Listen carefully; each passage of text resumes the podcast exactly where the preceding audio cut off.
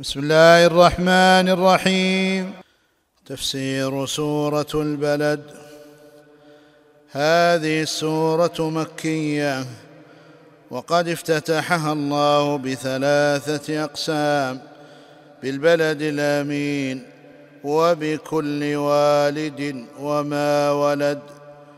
أقسم سبحانه أنه خلق الإنسان في شدائد ومشاق يكابدها في هذه الحياة الدنيا وفي الآخرة حتى يدخل الجنة. ثم ذكر جوانب من جهل الإنسان مع ما, مع ما أنعم الله به عليه في خلقه.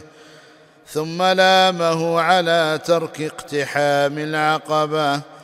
وهي الإنفاق الشاق على النفس من عتق وإطعام في يوم مجاعه شبه ذلك باقتحام العقبة التي لا يحصل الظهور عليها إلا بكلفة التي لا يحصل الظهور عليها إلا بكلفة. ولا بد مع ذلك أن يكون ممن آمن وعمل صالحا. ومن أهل الصبر والرحمة فإنه يكون من السعداء أهل الميمنة. أما الكافرون فهم أصحاب المشامة ومصيرهم إلى النار. وآيات السورة عشرون العشر الأولى في الخبر عن الإنسان. من أول السورة إلى قوله وهديناه النجدين. وأما العشر الاخيره من قوله فلاقتحم العقبة فقد تضمنت ذم الإنسان مع فخره بإهلاك المال الكثير بترك الإنفاق فيما ينفعه من وجوه الإحسان. كالعتق وإطعام اليتيم والقريب في يوم مجاعة وختمت السورة بذكر عاقبة المؤمنين. وختمت السورة بذكر عاقبة المؤمنين والمكذبين. الآيات لا أقسم بهذا البلد وأنت حل بهذا البلد ووالد وما ولد. لقد خلقنا الإنسان في كبد. أيحسب أن لن يقدر عليه أحد. يقول أهلكت مالا لبدا. أيحسب أن لم يره أحد؟ ألم نجعل له عينين ولسانا وشفتين وهديناه النجدين فلاقتحم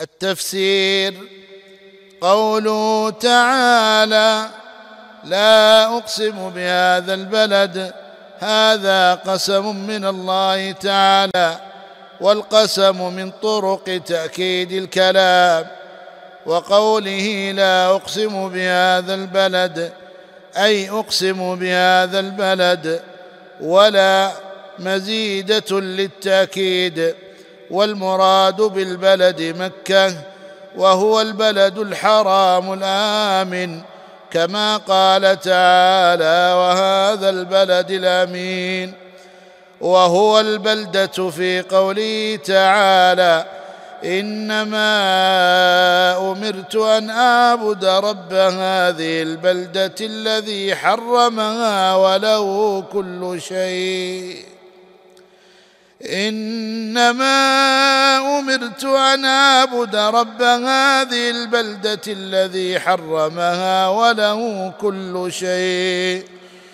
وأقسم الله بمكة لشرفها وفضلها على سائر البلاد فهي أحب البلاد إلى الله وقد جعل محلا لبيته المعظم الذي هو قبلة المسلمين.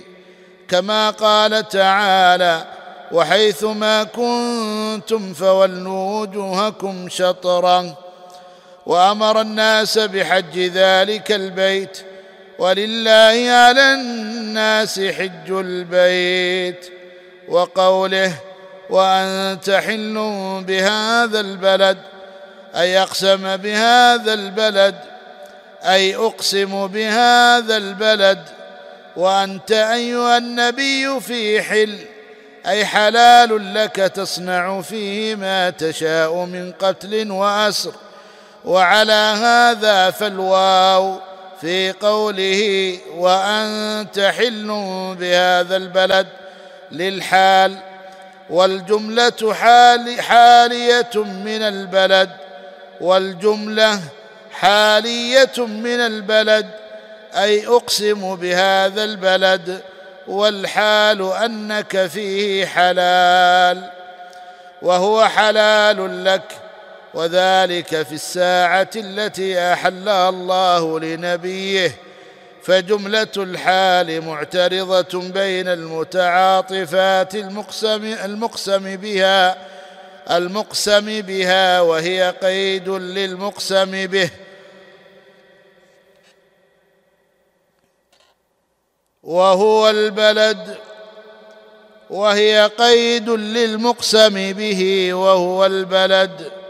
للدلالة على أن مكة لم تنقص حرمتها في تلك الساعة وفي الآية بشارة بفتح مكة وأنها ستحل له في زمن ات كما قال عليه الصلاة والسلام. إن مكة حرمها الله ولم يحرمها الناس فلا يحل لامرئ يؤمن بالله واليوم الآخر أن يسفك بها دما ولا يعضد بها شجرة. فإن أحد ترخص للقتال رسول الله صلى الله عليه وسلم فيها فقولوا إن الله قد أذن لرسوله ولم يأذن لكم وإنما أذن لي فيها ساعة من نار ثم عادت حرمتها اليوم كحرمتها بالامس وليبلغ الشاهد الغائب. وأشار إلى البلد مكة باسم الإشارة مرتين وكرر ذكره زيادة في تعظيمه ووالد وما ولد. أي وأقسم بكل والد وكل مولود من الموجودات التي تتوالد. من إنسان وحيوان. ووالد وما ولد. أي وأقسم بكل والد وكل مولود من الموجودات التي تتوالد من إنسان وحيوان فهذا ما أقسم الله به. وجواب القسم قوله لقد خلقنا الإنسان أي جنس الإنسان في كبد أي في مشقة وتعب. فهو يكابد مصائب الدنيا وهمومها إلى أن يموت فالكبد يحيط به من كل جانب ويغمره فالكبد يحيط به من كل جانب ويغمره كما يشير إليه حرف الجر في.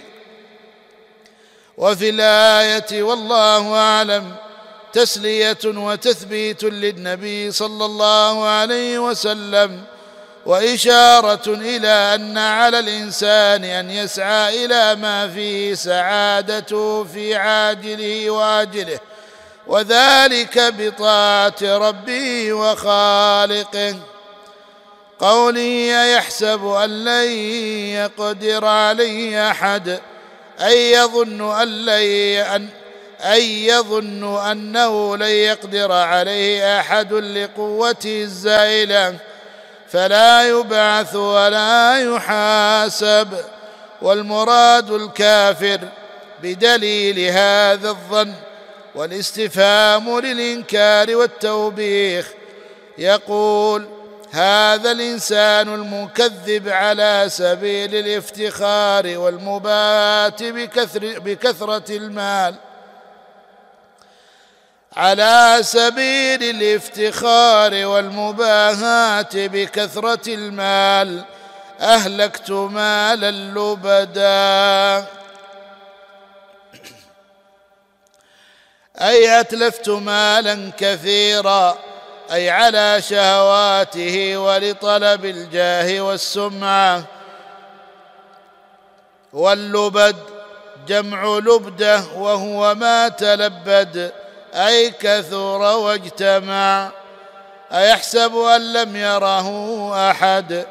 أي يظن أنه لم يره أحد في حال في حال إنفاقه وإعجابه بكفره؟ في حال إنفاقه وإعجابه بكفره؟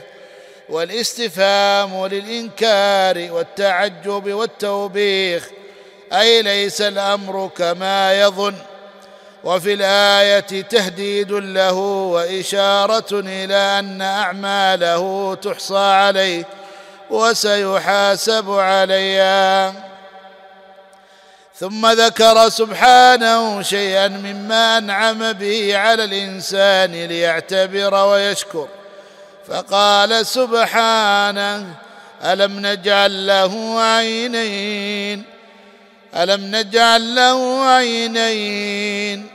يبصر بهما والاستفهام للتقرير والامتنان ولسانا وشفتين يتكلم بها ويفصح بها عن كل ما يريد ولم يذكر السمع لأن المذكورات تستلزمه وهديناه النجدين أي بينا له طريق الخير والشر ليعمل بما فيه نجاته. كما قال في كما قال سبحانه انا هديناه السبيل اما شاكرا واما كفورا. والمراد بالهداية الهداية العامة وقد فسر النجدان بالثديين. ولا يثبت ذلك عن السلف. وشواهد القرآن تؤيد المعنى الأول. الفوائد والأحكام. اولا أن الله يقسم بما شاء من خلقه. ثانيا فضل مكة وهي البلد المقسم به. ثانيا فضل مكة وهي البلد المقسم به. ثالثا أن هذه السورة مكية بدليل الإشارة في قوله بهذا البلد. رابعا أن الله أحل لنبيه يوم الفتح من القتل والقتال فيها ما لم يحله لأحد قبله أو بعده. على ما جاء عن ابن عباس وغيره من التابعين في تفسير الآية وعلى هذا ففي الآية خامسا البشارة بفتح مكة ويناسب على هذا أن تكون الجملة وانت حل بهذا البلد. حالية مقيدة للقسم بهذا البلد أي أقسم به حال كونك حلالا بمكة. سادسا أن من آيات الله العظيمة التوالد في جنس الإنسان وغيره وكل والد ومولود آية. سابعا أن الإنسان منذ نشأته في أطوار حياته معرض للشدائد والمشاق وهو حمل وهو حمل وهو طفل وفي أطوار حياته في هذه الدنيا. وهو حمل وهو طفل. وفي أطوار حياته في هذه الدنيا. ثامنا توبيخ الكافر الجاحد لقدرة الله عليه. تاسعا ذم الفخر بكثرة المال وإتلافه في الشهوات. عاشرا أن الكافر مخاطب بفروع الشريعة لذمه على عبثه بالمال وفخره بذلك. الحادي عشر ذم ذم الكافر لحسبانه. ذم الكافر لحسبانه أن الله لا يراه فهو يخبط كما يشاء لا يرى عليه رقيبا. ثاني الثاني عشر أن من آيات الله ونعمه الدالة على قدرته وإحسانه ما ركبه في خلق الإنسان من عينين يبصر بهما ولسان وشفتين يتكلم بهما وعقل يدرك به هداية الله إياه السبيلين سبيل الخير وسبيل الشر الثالث عشر إقامة الحج إقامة الحجة على الإنسان في التوحيد بما أوتي من أسباب العلم والبيان. الرابع عشر إثبات قدرة الله على بعث الإنسان كما قدر على بدء خلقه. الخامس عشر إثبات رؤية الله للعبد في جميع أحواله وتصرفاته. السادس عشر وجوب شكر شكر وجوب شكر الله على نعمه. السادس عشر وجوب شكر الله على نعمه. وجوب شكر الله. السادس عشر السادس عشر وجوب شكر الله على نعمه. السابع عشر أن معطي الكمال أولى به. فالله الذي أعطى الإنسان الكمالات من السمع والبصر من السمع والبصر. فالله الذي أعطى الإنسان الكمالات من السمع والبصر والكلام والعلم أحق به. ثم ذكر الله تعالى أنه أنعم على الإنسان بنعم عظيمة من البصر والكلام والمال والهداية. ثم ذكر الله تعالى أنه أنعم على الإنسان بنعم عظيمة من البصر والكلام والمال والهداية ولكنه لم يقابل تلك النعم بالشكر ولم يحسن في عمله. فقال سبحانه فلا اقتحم العقبه وما أدراك ما العقبة فك رقبة أو إطعام في يوم ذي مسغبة يتيما ذا مقربة أو مسكينا ذا متربة. ثم كان من الذين آمنوا وتواصوا بالصبر وتواصوا بالمرحمة. أولئك أصحاب الميمنة. والذين كفروا بآياتنا هم أصحاب المشامة. عليهم نار مؤصدة.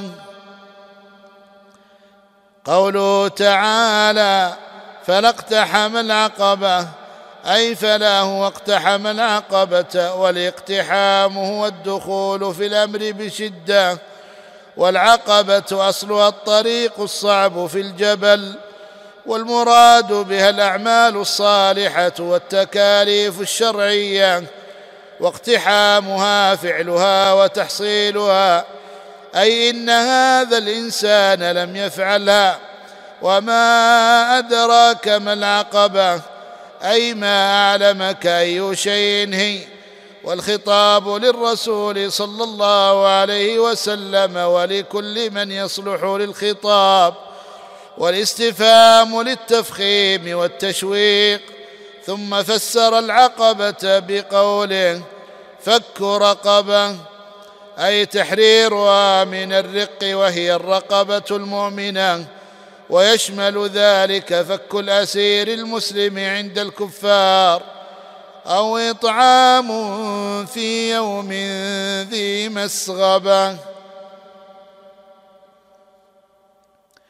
أي مجاعة يتيما ذا مقربة أي قرابة فإطعام صدقة وصلة رحم. واليتيم من مات أبوه ولم يبلغ أو مسكينا ذا متربة أي ذا حاجة شديدة من تر من ترب الرجل إذا افتقر. أي أي ذا حاجة شديدة أي ذا حاجة شديدة. من ترب الرجل إذا إذا افتقر. من ترب الرجل إذا افتقر. كأنه لفقره لصق بالتراب فلا يقيه منه شيء. وخص فك الرقاب وإطعام الطعام بالذكر لانهما أشق على النفس من سائر الطاعات لما فيهما من بذل المال. وهو محبوب للإنسان لا سيما مع شدة الحاجة إليه في وقت الجوع. كما قال تعالى ويطعمون الطعام على حبه ولذا كان فك الرقاب وإطعام الطعام بمنزلة اقتحام العقبة والمسغبة والمقربة والمتربة مصادر ميمية ويتيما ومسكينا مفعولان به للمصدر وهو إطعام. قوله ثم كان من الذين آمنوا أي بما يجب الإيمان به من الإيمان بالله وملائكته وكتبه ورسله واليوم الآخر والقدر خيره وشره.